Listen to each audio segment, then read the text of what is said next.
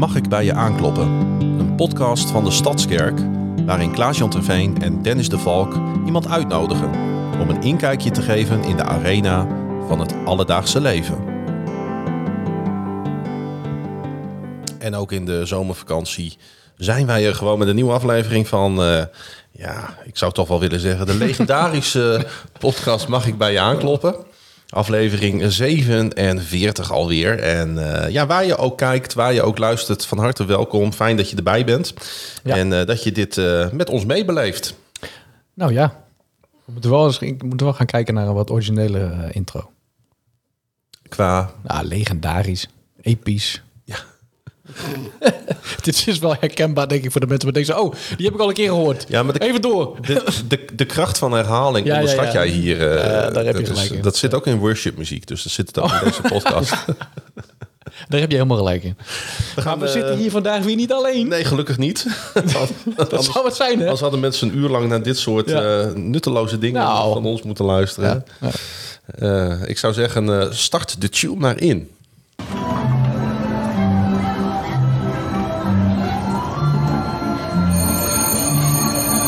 Rondje rond de tafel.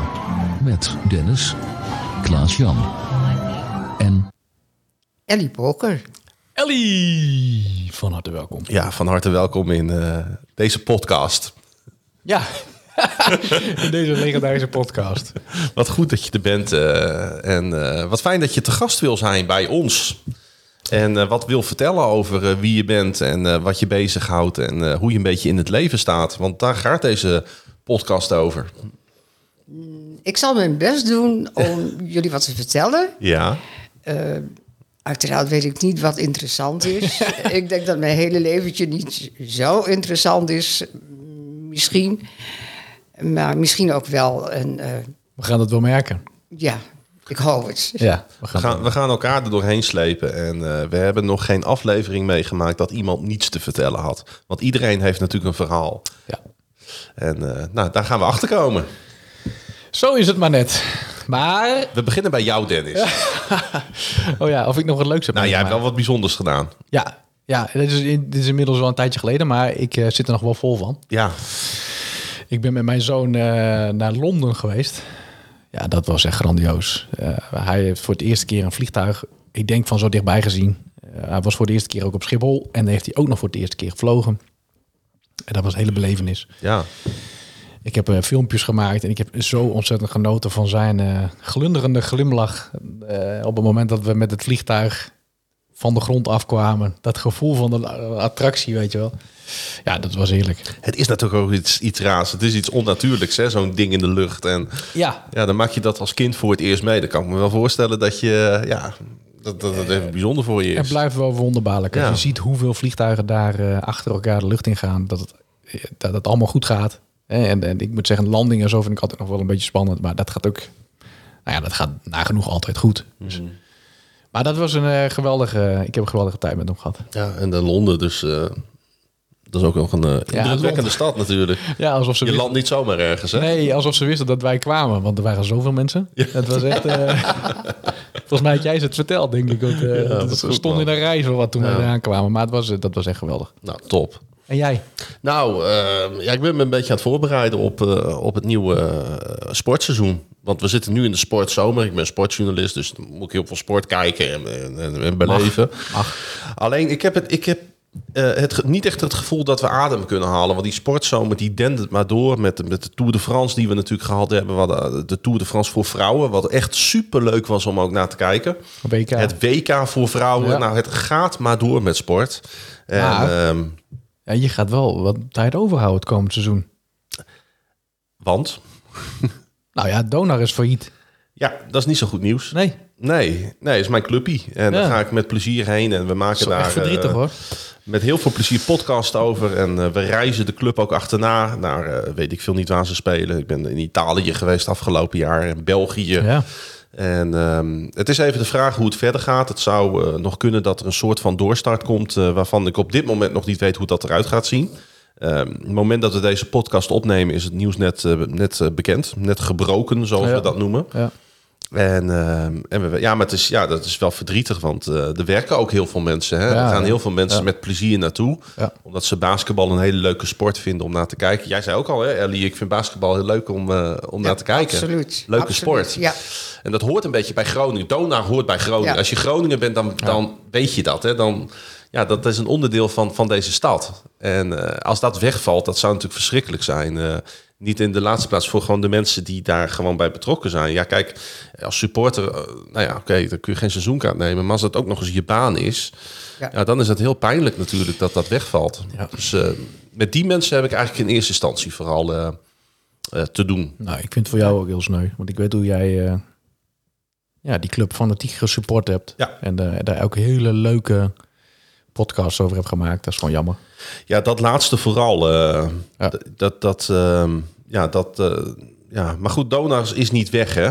Eh, d- daar komt wel weer een moment, een plek Ja. om dat, dat, dat Nou er ja. weer profbasketbal in Groningen gaat ontstaan. Daar ben ik van overtuigd. Hopen zo snel mogelijk. Ja. Ellie, heb jij nog wat meegemaakt de laatste weken waarvan je denkt van nou, dat is toch wel leuk om even te benoemen? Nou, eigenlijk niks speciaal. Maar wat, wat mij dus wel echt trof bij jouw verhaal van over Donar ook en over basketbal.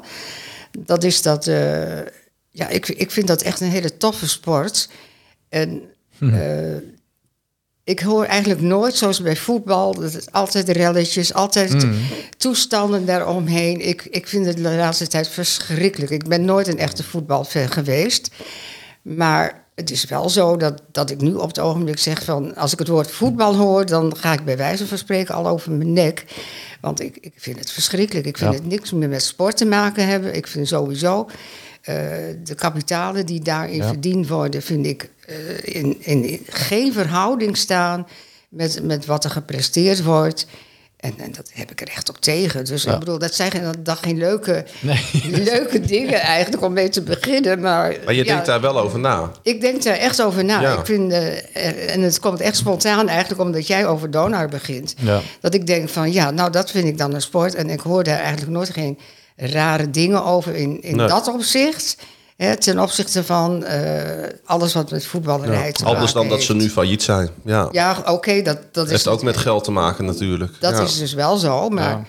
toch in een hele andere... Hele andere orders. Ja. Ja. dat is ook Dus- zo.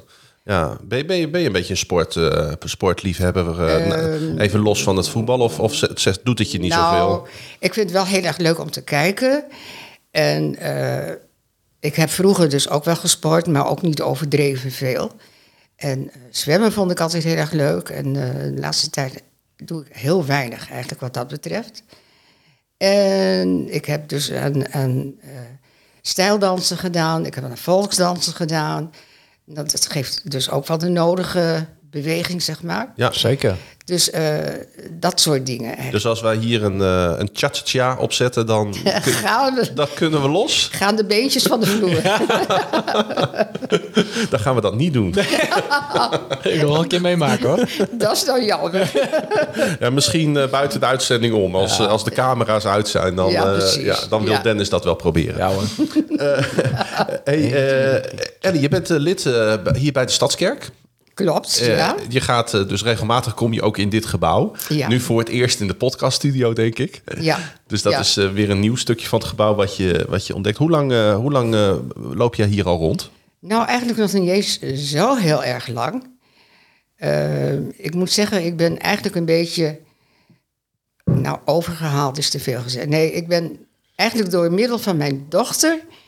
ben ik hier terechtgekomen. Mijn dochter die kwam dus ook op een speciale manier hier. En eh, eigenlijk via wat toen nog ons heette... Hè, dus de, Ja. de eh, club voor alleengaanden, zeg maar... En toen had, eh, zij was een paar keer mee geweest, en, of één keer geloof ik. En toen had ik echt zoiets van, nou, ik vind het heel erg leuk dat jij dat doet. Maar ik vind, dat is het niet alleen, dan moet jij ook echt naar de kerk gaan. Anders vind ik het niet kloppen. en eh, dat heeft zij toen gedaan en ze was heel enthousiast. Meteen. En eh, die, nou, vrij kort daarna ging zij dus de Alpha-cursus volgen. En nou, ik woon in een oud huis met, met een kamer en suite. En het was in de tijd van de corona, dus ook nog niet zo lang geleden. En dus alles was online. En zij zat dan in de ene kamer achter het schermpje te kijken. En ik vond het prima. En ik zat voor, ik zat te lezen of tv te kijken of wat dan ook. Ik zei, het is jouw zaak, uh, gaat mij niet aan en uh, bekijk het maar. Tot er uh, iets, iets opkwam over dopen. En toen vond ik dat heel interessant. Ik zei, dat wil ik eigenlijk wel zien. Want ik, vanuit mijn verleden kende ik eigenlijk alleen maar de kinderdoop... en hè, op oudere leeftijd de beleidenis. Maar ik zei, die waterdoop, dat, dat is mij eigenlijk helemaal onbekend. Ik wilde eens kijken hoe dat gaat. En ik maakte zo'n dienst mee en, en ik, ik, volgde dus de preek en het gezang en alles. En het sprak mij eigenlijk heel erg aan. En uh, doordat het coronatijd was, waren ook de diensten eigenlijk allemaal op zondag online. En ik had in die tussentijd ook kennis gemaakt met iemand uh, die ook bij de Stadskerk hoorde. En die zei van, vinden jullie het leuk als, uh, als ik dan op zondag bij jullie kom en we samen de dienst bekijken? Mm. En daarna aflopen samen over praten of wat dan ook. Nou, ik zei prima. Ja. Hè? Ik, ik, was toch al een beetje om. Ik volgde na die waterdoopdienst, zeg maar, volgde ik het toch al een beetje regelmatig. En uh, dus wij, wij gingen uh, gezamenlijk die diensten bekijken. En toen was het op een 18 april, ik vergeet ook nooit weer, het was mijn trouwdag. Ach. En uh, toen was Roelof Santing die sprak over... Uh, vanavond is er een bijeenkomst voor mensen die zich eventueel willen laten dopen, enzovoort, enzovoort. En toen keek ik zo'n beetje die richting uit. En ik had al vaker die hint gekregen van, is dat niks voor jou? Ik zat altijd met een beetje van, uh, nee hoor, dat, dat, dat, hoef ik allemaal niet meer. Hè? En, en ik dacht, als je nou wat zegt en, en op deze dag, en, en, het was toch al een beetje bijzonder voor mij. Toen dacht ik, nee, je moet niks zeggen. En het, er werd ook niks gezegd. Het was ook eigenlijk helemaal ontgaan. Ja. En uh, de hele dag zat ik er toch mee in mijn hoofd. Van, van doe ik het wel, doe ik het niet. En nou ja, je moest je uiteraard zelf uh, aanmelden. Hè? Je kon ook niet zo heen gaan. Dus nou, ik geloof dat het altijd zes uur was of zo. Dat ik dacht van nou, ik doe het. Ik, er kan ook verder niks gebeuren. Ik, ik ben vrij mens. Als ik eruit wil lopen en niks wil doen, dan is het ook prima. Dus ik ben wel naar die avond gegaan. En uh, toen was ik nog niet overtuigd. En uh, er moesten foto's gemaakt worden. En ik zei, nou die foto hoeft ook nog niet, want ik ben nog helemaal niet klaar ermee. En, maar goed, er werd toch gezegd van, ah, maak maar vast een fotootje, dan, die is nooit weg. Dus die foto die werd gemaakt. En de volgende morgen dacht ik van, nou ja, wat doe, wat, wat doe ik eigenlijk kinderachtig? Ik vul het formulier in en, en ik geef hem gewoon over. Dus dat heb ik gedaan. En, uh, Heerlijk, Ellie. Mag, je, mag ik je even onderbreken? Ja, tuurlijk. We, we, we hangen allebei... Alsof we er gewoon bij zijn geweest. Ik zie je daar zo in die kamer zitten en ik hoor dan zo de muziek op de achtergrond. Waar je dacht, ik zie het ook zo voor me dat je op die avond komt. Ik moet, ik moet wel zeggen, Roelof Santing, die heb ik nog niet kennen. Roelof Alkema of Arjan Santing, wie, wie was het? Arjan, nee, Arjan, Santing. Roelof Santing. Als Roelof dit hoort, dan gaat hij heel hard lachen. Dat weet ik zeker. Knip het eruit. Maar dat, nee, nee, maar dat, nee, dat is juist leuk. Dat is voor allebei een compliment. Ja, ja, ja. Maar mooi. Nee, maar het was een instantie. Ja. Nou, maar jij dacht dus, maar, die, die, die, jij, jij werd wakker uh, de volgende dag en je dacht van, ja, wat doe ik eigenlijk kinderachtig? Ja, ja. precies, precies. Ja. Dus ik heb het formulier getekend en uh, ik dacht, nou oké, okay, dat, dat gaat gebeuren. Um, op een gegeven ogenblik kreeg ik een uitnodiging om een gesprek aan te gaan met Kobe Stoorvogel. Ja. En uh, nou, uh, ook over de getuigenis enzovoort enzovoort. En uh, ik had meegekregen, die datum zou ergens in het begin, uh, eerste zondag in augustus of zo zijn. Prima.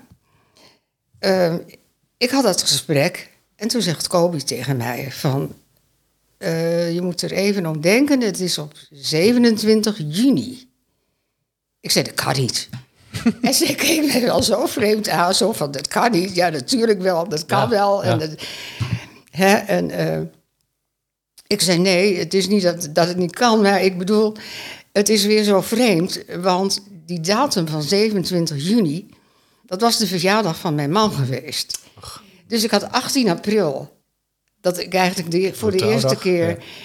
En toen kwam 27 juni eroverheen. En toen dacht ik echt, nou jongens, toeval bestaat niet. Nee. Dit, dit moet gewoon zo wezen. Ja. Terwijl ik al door in mijn hoofd had, het is de zondag daarop. Maar om wat voor reden dan ook werd die zondag werd vervroegd naar die 27 juni. Ja, Dus dat was zo bijzonder voor mij. begrijp ik. Ja. Dus ik zei, nou ja, oké, eh, nou ga ik er helemaal voor de volle 100% voor. en eh, Mag ik, mag, ik je, mag ik nog een stapje terug naar, Ja. eh, naar wat jaren daarvoor? Want ik maak op uit je verhaal dat jullie allebei eigenlijk nog niet echt bezig waren met het geloof op dat moment. nou, nee, ik moet zeggen, mijn man die was... eh, ik bedoel meer jij en je dochter hoor. Maar Ja, ja, vertel maar over je man. dan. ja, mijn man was christelijk gereformeerd. Ja. Eh, hij is dus als, als militair uitgezonden geweest in Indonesië toen destijds. En daar is hij dus heel goed opgevangen, ook door zo- zo'n leger almoezenier of zo, zeg maar. Maar hij kwam terug in Nederland en eh, eigenlijk alle militairen die werden verguisd en die werden als moordenaars gezien en weet ik veel wat. En hij werd hier ook niet opgevangen door de kerk. Dus hij is eigenlijk op dat moment eh, helemaal gestopt met het kerkelijk leven. En ik was als kind. eh, mijn ouders die waren gescheiden toen ik zes jaar was. En ik werd toegewezen aan mijn vader, wat eigenlijk heel ongebruikelijk is. Maar door allerlei toestanden kwam ik bij mijn vader. Maar die had dus een werk. En die was dus ook vrij veel weg. En, en die vond het wel heel prettig als ik ook andere dingen had. Dus ik Ja. kwam op zondagschool. Ik kwam op een jeugdkamp, een christelijk jeugdkamp. En eh, op die manier kreeg ik wel... Hij was zelf niet echt christelijk of zo, hoor. Maar Nee. hij vond het prima als ik dat deed. En ik vond het heel erg mooi. En ik genoot van, als kind van de verhalen, zeg maar, en zo.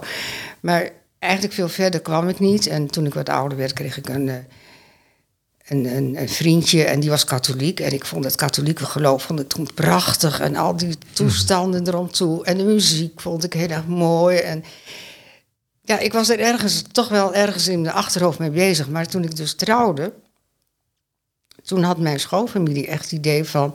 jullie gaan geen van beiden naar de kerk. Echt, echt kerk zijn jullie niet.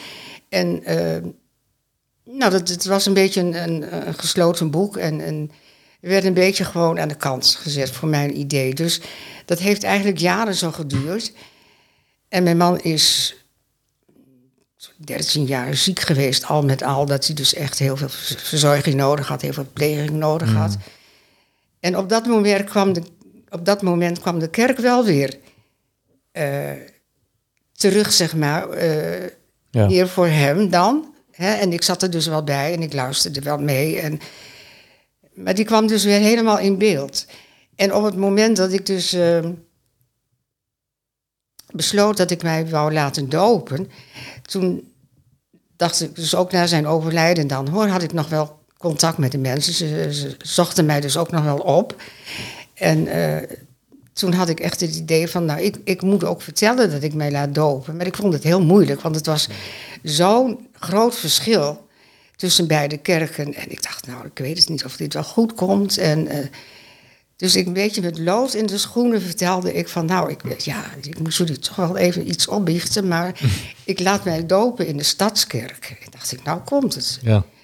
En wat kwam er? Alleen maar hele positieve gedachten. Zo van, oh, wat vinden we het fijn en, en wat zijn we blij voor je. En op die manier ging het echt. Ja. En ehm, ja, nou ja, we mochten... Hè, het was net de eerste doop na coronatijd. We mochten Ja. een, een x-aantal mensen maar uitnodigen ook. Dus ik dacht echt, wat zal ik, eh, zal ik hun ook vragen? En dat heb ik gedaan. Ik denk, zeggen ze nee van, hè, dit is mijn pakje ja niet of wat dan ook. Nou ja, prima. En zeggen ze ja, nou nog veel mooier. En ze zeiden allemaal ja. en ze kwamen hier dus. En nou ja, de een die zei van, we vonden de preek vonden we prachtig. De, de, de, entourage eromtoe vonden we iets minder. En er was zelfs één en die zei van, oh sorry hoor, maar ja, ja, ik vond het wel een beetje een disco. dus dat was de reactie. Ja. Maar ze waren ongelooflijk blij voor mij. Dus Ja, eh, wat dat betreft, eh, ja, helemaal het is trouwens wel grappig dat jij dat zegt, hè? want dat realiseren wij ons niet altijd. Maar mensen die hier voor de eerste keer komen en of geen kerk of een traditionele kerk gewend zijn, Ja. Die maken soms best wel even een shock eh, Ja. door, hè? Ja. Wat ze hier meemaken. En dat, dat kan best wel eens, eh, ja, heel heftig. dat doet wat met mensen, hè? Ja, ja. ja, absoluut. Ja, maar dat is goed, hè? Als iets met je doet, dan, dan ga je er ook over nadenken. Ja. En dan, Ja. ja. ja, Ja, want achteraf kwam de reactie van... nou ja, goed, als, als jij je daar prettig bij voelt... Dan, dan moet je dat vooral niet, eh, niet nalaten. En, en daar gaat het uiteindelijk ook niet om. Nee. Het is, eh, dat is op zich is dat maar bijzaak. En op, ja, eh, wij houden nou eenmaal meer van de traditionele orgelmuziek en noem maar op. In plaats van eh, hè, dat hele heftige, zoals het bij jullie in de kerk gebeurt. Zo werd er gezegd. Maar goed, eh, Maar was het voor jou ook een shock? Want jij was helemaal geen eh, Nee, maar eh, vond- evangelische kerk gewend. nou, ja, Ja, door die livestreams heen Ja. raakte je er een beetje mee bekend natuurlijk. Ja, daarom. En ik, ik, ik vond het juist heel prettig. Het andere, dat kwam altijd op mij wat zwaarmoedig over. En, Ja. en wat, ja, wat stemmig, laat ik het zo zeggen. En, en hier krijg ik altijd een heel blij gevoel meestal. Ook als ik hier wegkom, dan, dan denk ik van ja. Hè, en eh, ik, ik vind het heerlijk als, als ik echt eh, eh, ook mensen erbij zie staan te swingen en te doen. En ik doe het zelf trouwens ook hoor. maar, nee, maar dat vind ik gewoon heerlijk. Dus, Tja, tja, tja, door de rijen, hè? ja, zit er nog in. ja. ja ik, heb dat, Stel, stel dansen door het kerkpad. ik, heb dat wel, ik heb dat wel gemerkt. Laatst zat ik naast jullie. Volgens Oh. mij een paar diensten terug. En toen merkte ik dat wel heel erg enthousiast. Ja, ja. Ja, dat is mooi. Dat is schitterend. Ja. Mooi om op die manier eh, ook gewoon wel vrijmoedig te zijn. Ben, jij, ben jij ook veranderd eh, door eh, de keuze die je gemaakt hebt eh, hier? Ik denk het wel. Wie was de Ellie voor de Stadskerk en wie is de Ellie nu? Ik denk dat ik weer wat, wat meer vergevingsgezind ben. Want ik ben, ben echt wel ook, ook ja, boos op mensen geweest. Dat wil ik niet zeggen. Maar oh, ik vertelde dus ook dat mijn, eh, mijn ouders gescheiden waren. Hè, en toen was ik zes. En mijn vader die is dus weer hertrouwd. Toen was ik zestien. Met een vrouw die was maar eigenlijk tien jaar ouder dan ik zelf was. Dus die had het, denk ik, realiseer ik me achteraf hoor, toen niet, eh, best wel moeilijk met, met zo'n puberdochter, denk ik. Hè? Niks gewend eigenlijk. En eh, goed, op een gegeven ogenblik, mijn vader die was nogal eh, streng, laat ik het zo zeggen. En die, eh, ik wilde vreselijk graag het huis uit. En ik, Ja. ik voelde me helemaal niet happy. En, eh, maar hij wilde daar niet aan. Hij zei, jij komt de deur niet uit voordat jij 21 bent. Oeh. Dat was, dat was in, die, ja, in die tijd Ja. de leeftijd. En ik werd in augustus was ik jarig. En 1 september was ik op kamer. Ja, ja. Dus ja, maar goed, ik, ik wil zeggen... eh, mijn vader heeft bij die vrouw dus nog drie kinderen gekregen. En eh, nou, hij was dus alweer wat ouder en hij ging op een gegeven ogenblik dementeren. En eh, ja, het ging niet meer met drie kleine kinderen thuis. En het was allemaal een hele moeilijke situatie. Maar doordat ik zo lang met mijn vader alleen opgetrokken was, ik kon eigenlijk geen kwaad woord over hem horen. En ik, ik vond het allemaal zo verschrikkelijk. En eh, we hebben daar hele nare dingen over beleefd. En eh, ook de, de drie halfbroers en zussen, hè, wat het dan van mij zijn, die namen mij ook dingen kwalijk. Dat ik eigenlijk altijd dingen eh, voor mijn vader opnam en niet voor mijn, tussen haakjes, stiefmoeder, zeg maar. En eh, ik heb heel lang helemaal geen contact met ze gehad. Tot ik op een gegeven ogenblik eh, in de krant las dat eh, die stiefmoeder overleden was.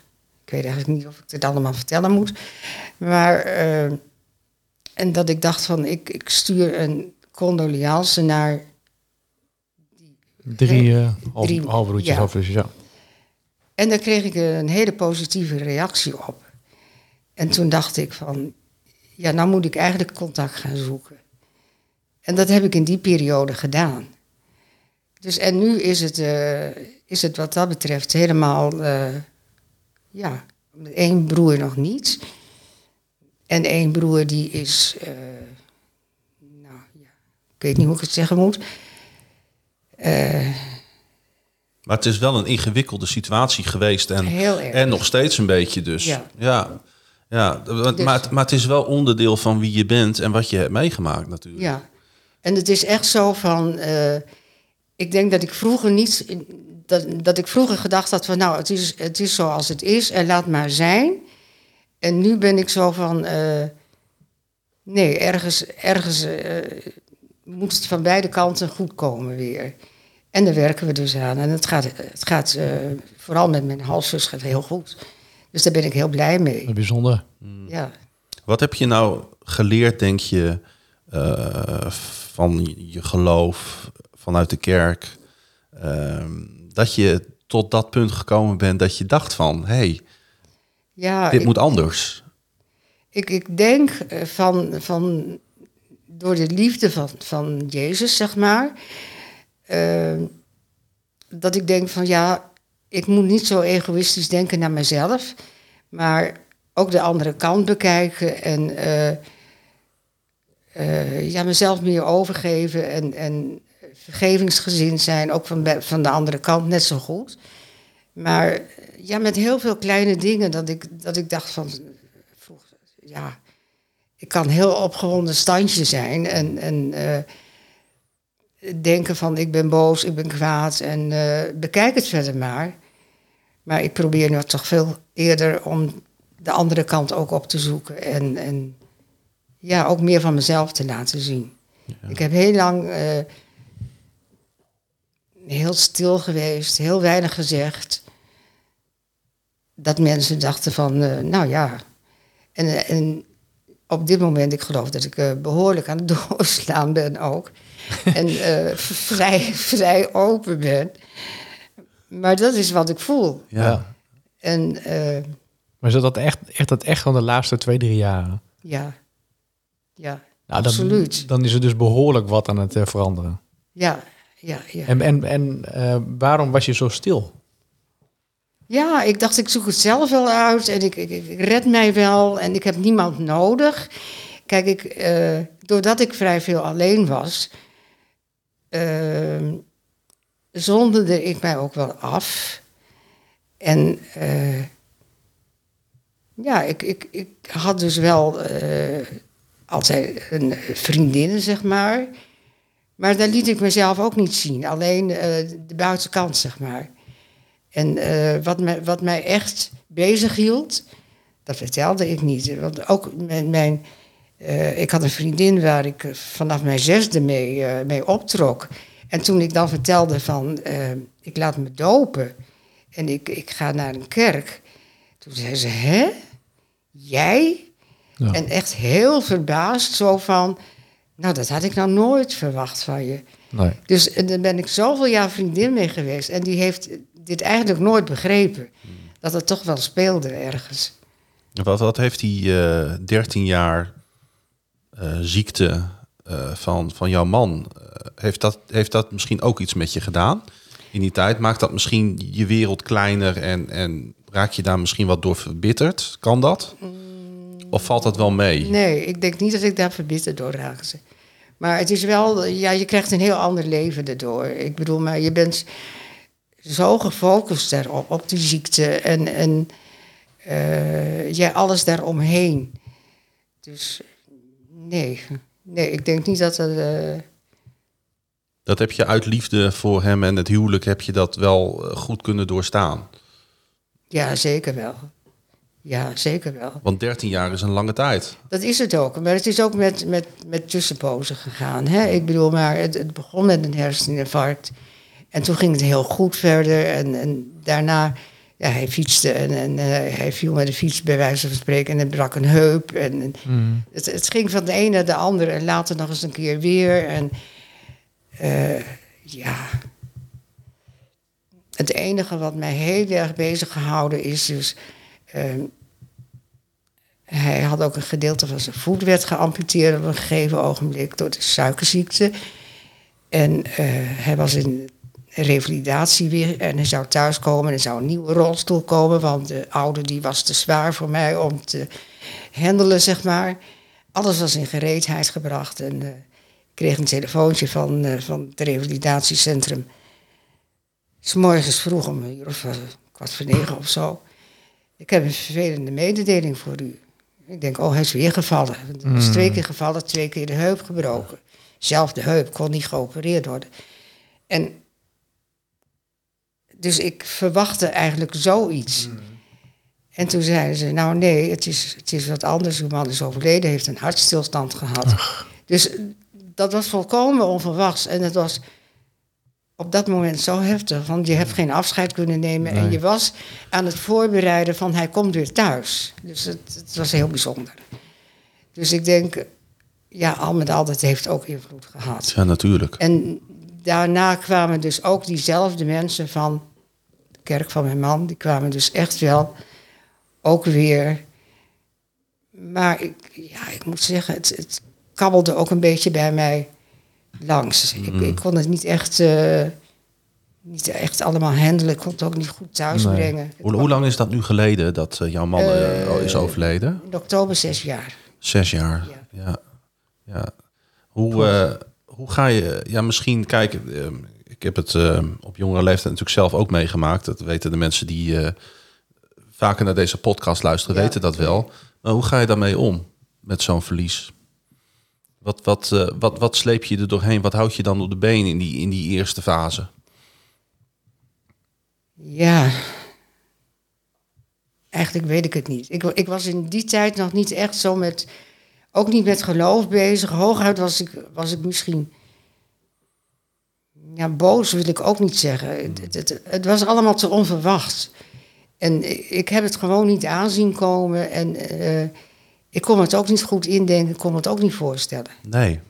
Dat, dat Je beseft het je niet. nee. Nee. Maar, maar opeens is het daar wel. En, Ja. en zit je daar opeens op, op de eerste rij tijdens een uitvaartdienst eh, heel onwerkelijk om je Ja. heen te kijken. Ja, Ja. Dat, dat, dat is natuurlijk een hele vreemde gewaarwording Ja. geweest. Dat was het ook hoor. Ja, Dat was het ook. En ik heb me na die tijd ook heel alleen gevoeld hoor. Dus eh, ja, ook doordat er heel weinig. eh, van mijn kant was er eigenlijk geen familie meer over. En van zijn kant sowieso niet, want hij was de jongste van negen. En, en de anderen waren allemaal al eerder overleden, zeg maar. Dus er was eigenlijk niemand meer over op dat moment. En eh, nou, ik, ik had wel kennissen, maar niet echt. Waar ik heel intiem mee was, zeg maar. Hè, waar ik heel veel dingen mee besprak. Dat dus niet. Dus eh, is dat ook wat eh, de Stadskerk je gebracht heeft? Meer, ik denk het wel. meer, meer eh, eh, ja, hoe moet je dat zeggen? Meer de, de- O- het- omzien naar elkaar, Ja, precies, denk ik. ja. ja. ja, Ja, want dat merk ik dus nu ook. Want toen ik in het begin binnenkwam, ik, nou ja, ik kende heel weinig mensen. Hè, alleen degene die in het begin dan eh, bij ons veel over de vloer kwam in de coronatijd en, en noem maar op. En langzamerhand, ik denk dat ik daardoor ook, ook eh, me overal, bijna overal voor aangemeld heb van ik wil eh, wel in dit team en ik wil wel dat gaan doen. En ik, gewoon om onder de mensen te komen en mensen te leren kennen. En Ja. als ik nu naga hoeveel mensen ik ondertussen vanuit hier al, al vrij goed ken, Ja. Dan is dat echt, eh ben ik ontzettend blij mee. dat is een verrijking voor je leven. Ja, echt. ja. Ik ben daar heel dankbaar voor. Maar het is ook wel bijzonder als je zegt dat je eigenlijk heel erg stil was en, en heel veel voor jezelf hield. Ja, Dat je hier komt en je dus daarna vrij voelt dat je voor heel veel dingen aanmeldt. Ja. En dan is het ook direct mijn vraag, hoe, hoe ga je dan nu om met, eh, ga je nu anders om met tegenslagen? Of ik kan me voorstellen dat je eh, nog best, eh, nou, vrij Ja. vaak terugdenkt aan eh, je man, dat je mist. Hoe ga je er dan nu mee om? Ga je daar nu, mee, nu anders mee om? Ehm, ja. Ja, laat ik zeggen, ik heb op dit moment heb ik dus wel weer vrij veel contacten. Ja. Daar ben ik heel blij mee. En ik, ik zou dat heel erg missen als dat over zou zijn. Ja.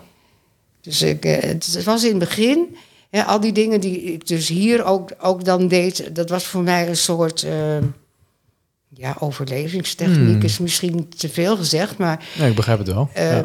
op, op die manier ging het. En nu heb ik langzamerhand het idee van, nou, ik, ik heb dat eigenlijk echt niet meer nodig, maar Nee. ik, ik vind het gewoon wel prettig en ik, ik voel me wel thuis, dus eh, laat het maar zo. Ja.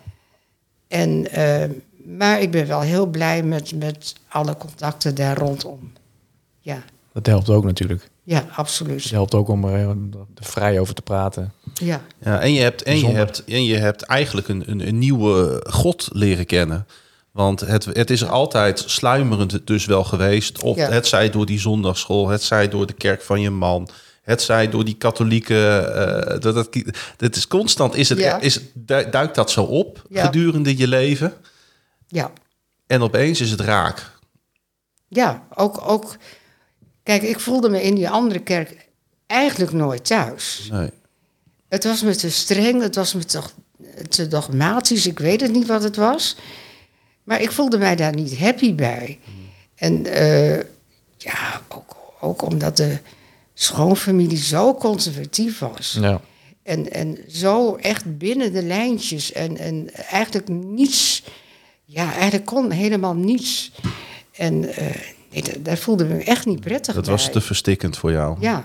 En eh, wat, denk je? Heeft, heb jij God leren? Heeft, heeft God jou gevonden of heeft, is het andersom? Heb jij God gevonden? Ik denk dat ik God gevonden heb. ja, dat denk ik wel. Ja, misschien ook niet. Ja, daar zit, daar- daar zit een dubbele lading in die, die vraag. Dat snap ik wel. eh, ja. Ja. Ja. maar het is wel heel bijzonder heen dat jij zo door die voorkamer waar jij zat Ja, en wat jij op de achtergrond hoorde in die achterkamer, ja, dat heel langzaam jij steeds meer je verplaatst hebt naar dat beeldscherm in die achterkamer. ja, precies. Dat is wel een proces geweest. Dat is het ook hoor. Want Ja. in het begin, nou ja, ik denk, het is jouw pakken, Jan, je zoekt het maar mooi uit. En eh, ik vind alleen als jij. Dat was een eh, beetje de oude Ellie. Ja, ja waarschijnlijk wel. Ja. Ja. Want ik, ik dacht echt van als jij alleen maar hè, de, de leuke uitjes en, en weet ik veel wat, de leuke. Dan moet je ook naar minder leuke dingen. Dan moet je Dan de ja, nou ja, precies op die manier. Nou ja, nee. Ik snap wel wat je bedoelt. Ja, oké. Het, het voelt misschien een beetje hypocriet. Ja, Ja, je gaat wel al die snoepreisjes. ja dat maar je gaat niet naar de kerk. Je- als je dat wil, dan moet je ook onderdeel zijn van de gemeente. Ik, be- ik begrijp dat best. Ja, zo op die manier Ja. vond ik dat hoor. Maar, je, maar, je, maar je dacht zelf, ah, ga jij maar lekker daarheen. ik ga daar wel lekker een boek lezen. Ja, ze zei wel van, eh, ga dan ook een keer mee. Ik zei, ah nee, ik zei, Nee. dat hoeft niet. Nee, maar toen kwamen de communities. Ja. Ja. En dat was in kleine groepjes. En toen dacht ik van, eh, nou ja, dat werd ook wel een beetje aan mij getrokken hoor. Van, Ja. eh, ga er ook een keer heen. En toen dacht ik, nou ja, dat kan ik altijd doen. Ja. En toen bleef ik heel netjes in de, in de hal bleef ik staan wachten. Want mijn dochter die zou meehelpen met koffie schenken. Dus ik kwam iets vroeger. Toen dacht ik, nou ja, ik, wacht, ik, ik blijf maar wachten in de hal... zodat ik eh, Ja. ook naar binnen kan. Hè, dat iedereen kwam. En toen kwam er iemand op me af en die zei, "Waarom blijf je hier staan? nou ja, ik zeg gewoon... mee helpen. Ja, nee, ik, ik zei, ehm, kan ik dan al naar binnen Ja, of zo? Ja, op die manier. En eh, ja, natuurlijk kan je naar binnen. En, eh, ja, Maar dat is ook wel even spannend natuurlijk. Hè? Ja. Je, je laat je iets in met, met, met, met iets waarvan je nog niet helemaal precies weet wat het is. Nee, compleet, Nee. compleet Dat moet je, vreemde dat moet je nog ontdekken. Ja. Ja. En, en je weet niet eens van tevoren of het iets voor jou is. eh, Nee, ook, nog. niet. Ook niet. Nee. Hoe, hoe was het om dat, om dat eh, samen met je dochter te beleven? Nou, dat was wel, ja, dat was wel leuk. Heeft dat, heeft, heeft dat ook geholpen? Nee, dat, nee, dat denk ik niet. Nee, nee, nee, nee. Nee, wat Dus je dat was, hier, betreft, je was hier ook geweest als je dochter een andere keuze had gemaakt? dat weet ik niet. nee, dat weet Dat is ook ik een niet. lastige vraag ook allemaal. Nee, dat weet ik weer niet. Want eh, misschien was ik er wel nooit... eh, nee, was ik nooit binnengestapt of Nee, zo, denk ik. Maar doordat zij hier al kwam en, Ja. en, en zij met enthousiaste verhalen kwam... dacht ik, nou ja, kijk, ik kan altijd, kan geen kwaad, toch? Nee. Dus eh, nee, en, en juist dat kleine groepje... dat dacht ik van, ja, dat vind ik wel wat. Dus ja, alleen ik, ik vond het dus ook altijd heel spannend... als je dan eh, met elkaar was en je ging... eh, en je ging bidden en, en, en, en dan had ik het idee van, oh, nou ben ik aan de beurt, dan moet ik wat zeggen. Mm, Nou, dan knapte ik helemaal dicht. En dan dacht ik, oh, dat was heel erg in het begin. Ik zou zeggen, bin there, done that. Dat heeft iedereen, denk ik, die hier voor het eerst... eh, Dat zal, ja. Hey, je hebt de, nou ja, nee, ja, weet, ja. Dat ken jij niet. Het zal. Het zal. Oh, dat was wel, sorry, dat was een beetje ongeïnteresseerd, eh, Dennis. Vergeef me. Nee, dat, nee, zo bedoel ik dat niet. Hey Ellie, je hebt een, eh, nou, jij hebt dan een heel leven achter je. Eh, je hebt veel meegemaakt. eh, ehm, maar eh, wat gaat de toekomst jou nog brengen? Wat, hoe zie je, hoe zie je de, de, de komende jaren voor je? Heb je nog wensen? Is er nog iets wat je heel graag wil? Heb je nog een droom? Ja, heb ik wel. En wil je die ook delen of hou je die voor jezelf? ik hou het voor het moment voor mezelf, echt waar. Ja, Ja. Goed hoor, ja, goed. Ja, ja, ik voel dan een beetje de aarzeling. Ja, nee, maar soms Ja. is het ook goed om dat gewoon bij jezelf te houden. Ja. Dat is helemaal niks mis mee. Ja, ik vertel ook niet alles aan Dennis.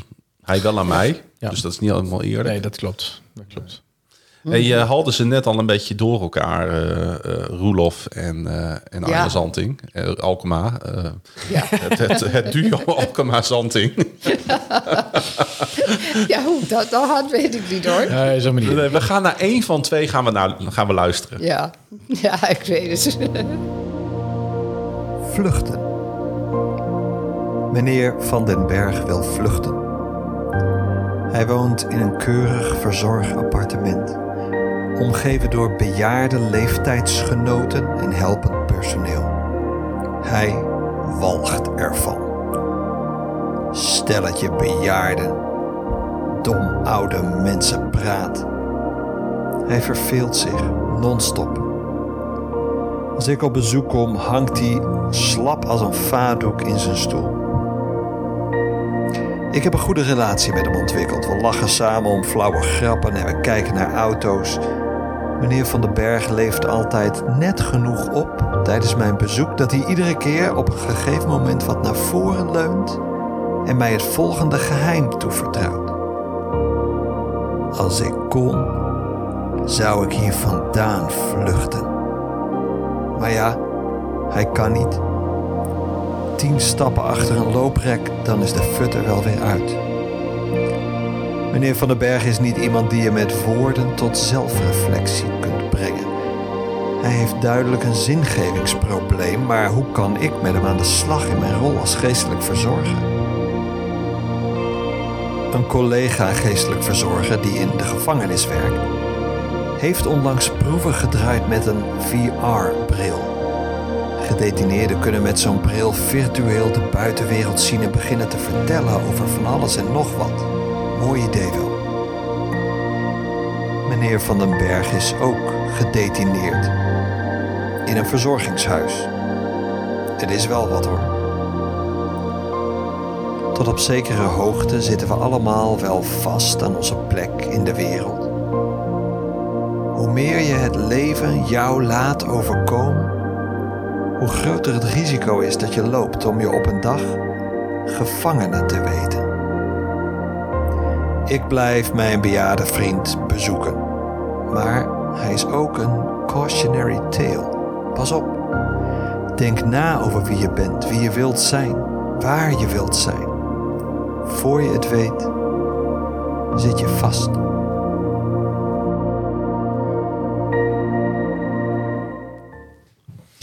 Voordat je het weet, zit je vast.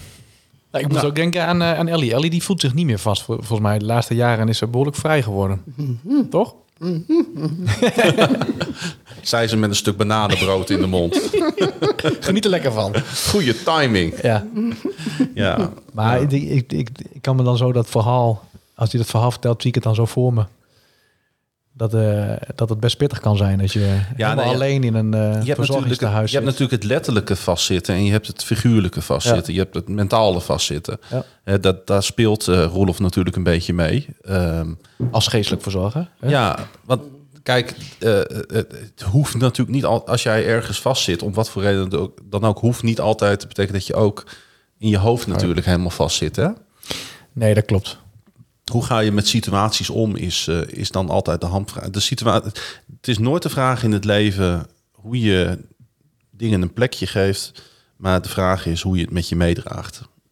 Dat, dat zeg ik altijd. Een mooie, mooie, Ik mooie denk dat daar een beetje de crux eh, zit. Voor mij in ieder geval. Hè. Ik kan alleen natuurlijk uit eigen ervaring spreken.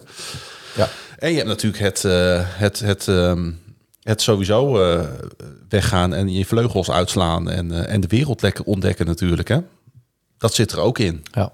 Dat, daarom doe ik dat ook wel veel, denk ik. Ik hou er echt van om te reizen op dit moment. Omdat ik gewoon echt voel dat dat van meerwaarde is. Om andere culturen te leren kennen. Andere mensen te leren kennen. Andere kijk, andere blik op het leven. Ja, ik denk dat het heel waardevol is om, eh, om dat te ervaren. Ja. En dat kan in Drenthe zijn, maar dat kan ook eh, ergens anders zijn natuurlijk. Ah, ja. ja. Het is leuker om naar het buitenland te gaan. Nou ja, het is gewoon, je wordt altijd, als je op reis bent en je bent ergens anders dan in Nederland, ben ik eigenlijk altijd weer verrast door de veelzijdigheid van het leven en deze planeet. En ja, hoe, hoe God ons toch één heeft gemaakt, maar zo verschillend heeft, heeft, heeft, heeft neergezet. Met iedereen zijn eigen, zijn eigen functie in, eh, in dit leven. Ja, daar kan ik me iedere dag over blijven verbazen. Tot zover dominee tegen. Ach ja, Zullen we naar de muziek? nou vooruit.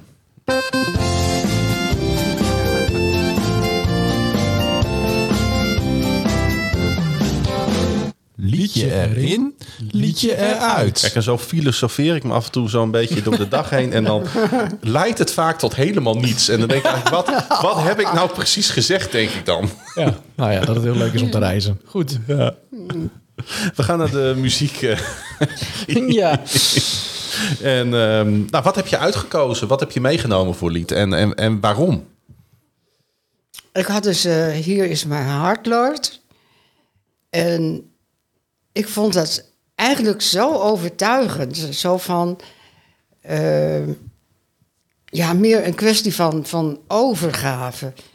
Echt na, na zoveel jaar en zoveel eh, strubbelingen. Nou, strubbelingen, maar... eh, ja, ook wel. ja, ook. Ja. En, en ook onverschilligheid gedeeltelijk. En, en eh, ja, dat ik, dat ik toch dacht van... hé, hey, dit, dit is het gewoon voor mij. En eh, ja, ik ben dan zo iemand van... eh, het, is, het is niks of het is alles. Ja. En daartussenin zit niks. Dus ehm, het is voor de volle 100 procent. ja. Of het is helemaal En, niks. ja, precies. Ja. En, en eh, er is geen middenweg. Dus vandaar dat ik dus ook ehm, geaarzeld heb een poos. En, en nou, eigenlijk niet eens zo heel erg lang dan. Als je het zo beschouwt. Maar eh, dan op dat moment als ik zeg van ja... Dan, dan moet het ook ja zijn. En dan moet het ook niet zijn van eh, eh, ja, half gebakken of, of wat dan ook. Maar dan, dan moet het ook echt helemaal zijn. En in het begin alles waar ik me hier dan ook instortte, was ook een soort, ja, misschien een soort bezigheidstherapie. Dat ik het als begin eh, meer zo zag van, van, dan ben ik tenminste bezig en dan doe ik wat en dan denk ik wat minder. Maar ik heb geloof ik in de laatste tijd eh, meer gedacht als ik mijn hele leven gedaan Ja, heb. Dus ja. wat dat betreft gaat het ook niet op. Dus het was ook, ook niet echt een bezigheidstherapie, maar eh, wel zoiets van, van ik wil meer mensen leren kennen en ik wil meer andere meningen horen dan het, wat ik in het verleden gehoord heb. Want het was ook vaak zo van, eh, wat ik dus van mijn schoolfamilie dus ook meemaakte van, ja, wij kunnen eigenlijk alleen maar eh, praten met mensen eh, van onze kerk of, of die net zo denken als wij. En dan denk ik, hoe, hoe, hoe beknopt ben je dan? Want Ja. de wereld die is echt groter en het bestaat niet echt in, in hier is een hokje en daar is een hokje naast en nog eens een hokje. Maar het hoort één geheel te zijn. En- Maar als je, Ja. als, je, als je terugkijkt, dan heb je heel veel jaren op een bepaalde manier geleefd. ja. En de laatste paar jaren is het eigenlijk 180 graden veranderd. En met dit, met dit lied Ja. zeg je misschien... Het is niet een klein stukje van mijn hart, maar ik geef alles. ja, precies. Zullen we, zullen we daarna gaan luisteren? Ja.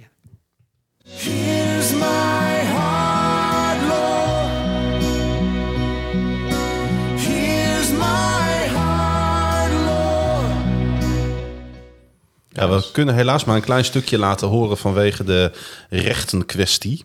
Die, daar, die daarachter zit. Eh, we zijn geen radiostation namelijk. Ehm, Zo'n prachtig lied trouwens. ja, het is, ja. ik, eh, ik, heb hem, ik, heb, ik heb zelf een lijst met, met, met wat ik mooi vind om te luisteren. En daar staat hij ook in. Ja. Dus eh, ja, ik ben naar een concert van hun geweest, maar dat is erg... Oh, ja. Oké. Vier jaar geleden of zo, denk ik, in Ahoy. Was echt mooi. Ja. Het is heel krachtig hè, wat zij doen. Ja. Daar gaat kracht van uit. Dat, het, ik, ik, hè, dat is misschien soms een open deur bij, bij bepaalde muziek. Maar Nee, maar Ja. het komt bij, wat zij doen, dat komt onmiddellijk. Ja. Onmiddellijk voel je het. eh, ja. Ja, vond ik wel. er is ook muziek waar daar gaat wat minder kracht van uit. Voor Ellie, Voor Ellie. met goede orde. Welke mag eruit? Want dat moet natuurlijk ook gebeuren. Want er is maar plaats voor tien. Ja, nou, dat was dus eh, Marco Borsato. hè? Ah, oké, ja. Maar Marco, als je luistert, respect voor jou ook hier Ja. in, dit, eh, in deze kerk. In dit, is, eh, dit eh, etablissement. Heb jij ook een eh, lied uitgekozen deze keer? Ja. Ja?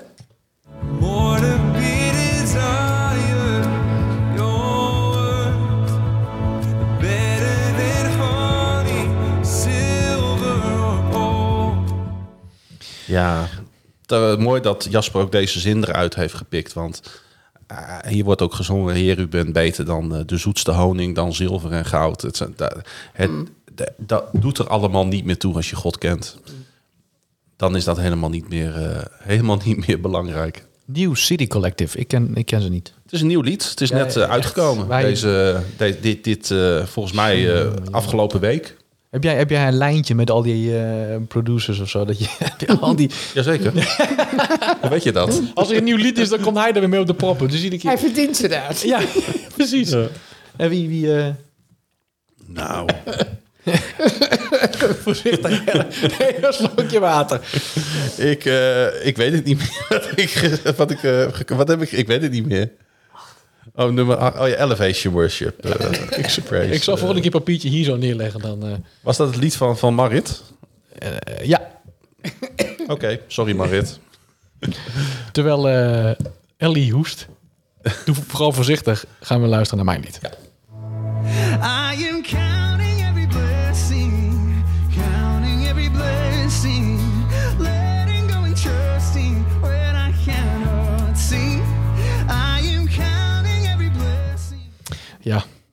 Ja, Rent tel iedere zegening. Klinkt ook helemaal nergens naar als je het, als je het gaat vertalen. Ja, dat is toch wat pand blijft dat, hè? Dat, dat als je inderdaad vaak Engelse, Engelse muziek gaat vertalen naar het Nederlands, zo letterlijk als jij dit nu doet, dan denk je best, nee. Het is wel goed om je zegeningen te tellen overigens. Maar Ja. eh, Rand Collective, als je er nooit van gehoord hebt, zoek ze op. Ik vind ze echt... eh, Ja, ik denk het wel, want ze, ja, maar hey, ze zijn wel bekend hoor. er waren ook mensen die hadden nog nooit van Marco Borsato gehoord. Dus ik bedoel maar. Nou, ik nou, heb... dat eh, geloof ik niet. Nee.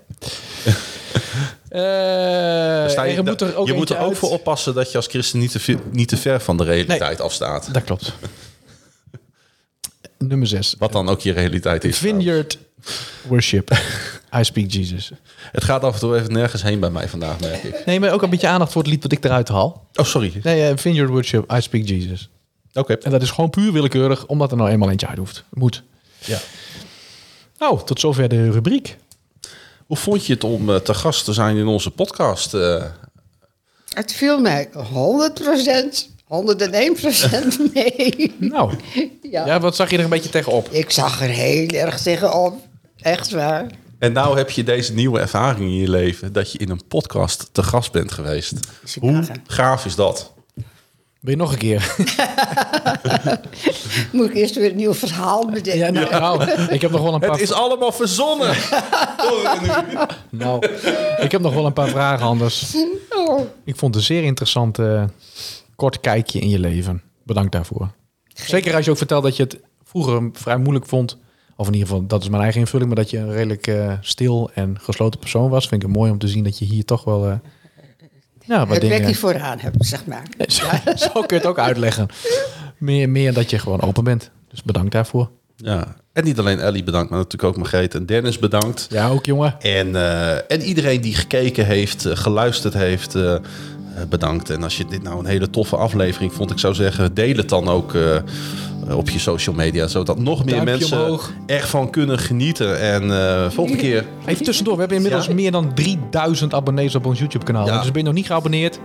Klik op dat abonnee knopje. Ja. Op het belletje. Blijf je helemaal op de hoogte. Eh, volgende keer zijn we er weer. Zeker.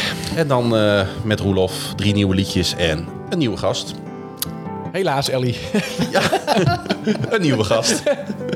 Eh, over, over twee weken zijn we er weer. Eh, wil je reageren? Je kunt mailen. podcast.stadskerk.nl Of als je kijkt hè, via YouTube comments.